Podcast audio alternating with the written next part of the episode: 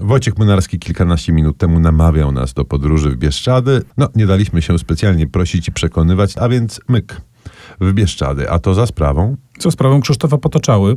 To kolejna książka y, tego autora, który pisze zasadniczo o Bieszczadach. Świerczewski, Śmierć i kult bożyszcza komunizmu.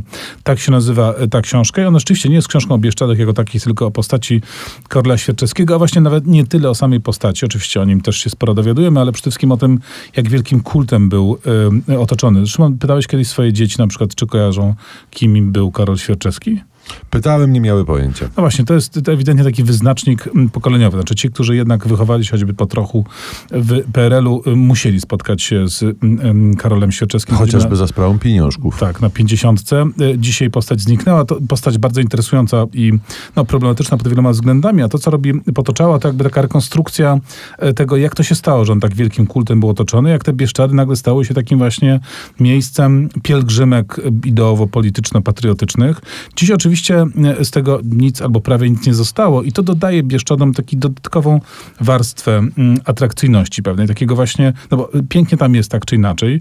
Historia ma tam kilka warstw i ta warstwa bardzo przebrzmiała perelowska i ten, to miejsce Jabłonki, w którym doszło do śmierci, nie do końca też wyjaśnionej dla wielu, yy, yy, Świerczewskiego, jest teraz wydaje mi się jeszcze bardziej intrygująca i tajemnicza, więc to też jest książka, która poprzez historię pokazuje atrakcyjność regionu, jakim są Bieszczady.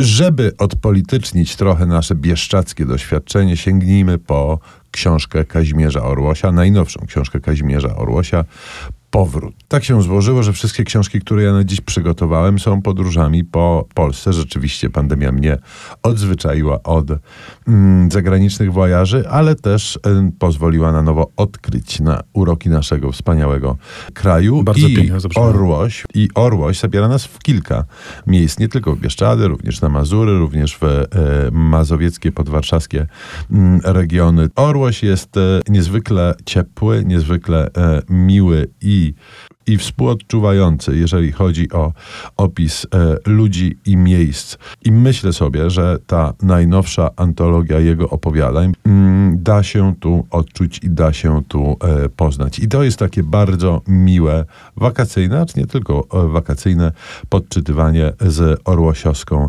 nutą melancholii. Ty się bardzo ładnie trzymasz kraju. Ja oczywiście też doceniam uroki naszej ojczyzny, ale ciągnie mnie daleko i strasznie by mnie ciągnęło też do Ameryki Łacińskiej, dlatego ostatni nasz kierunek to będzie Peru za sprawą Josefa Sarate, peruwiańskiego dziennikarza, który no parę miesięcy temu, za dwa chyba, ukazała się jego książka pod tytułem Wewnętrzne wojny. Ten tytuł nie brzmi bardzo turystyczno pociągająco i to nie jest książka, która mówi o tym, jak piękne jest Peru. Ona jest piękna, absolutnie.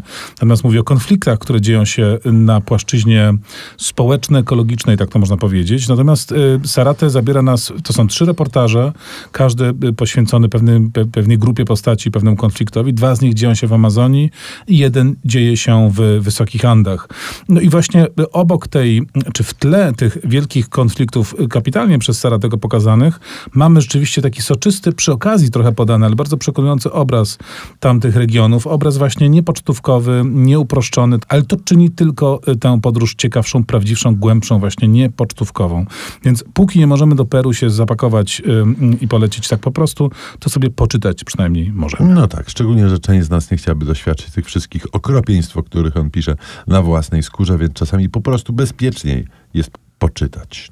No i ewentualnie zostać w kraju. Skoro w kraju zostajemy, to posłuchajmy polskiej muzyki ludowej, no powiedzmy mm, e, inspirowanej muzyką ludową. Joanna Kulik zaśpiewa nam dwa serduszka.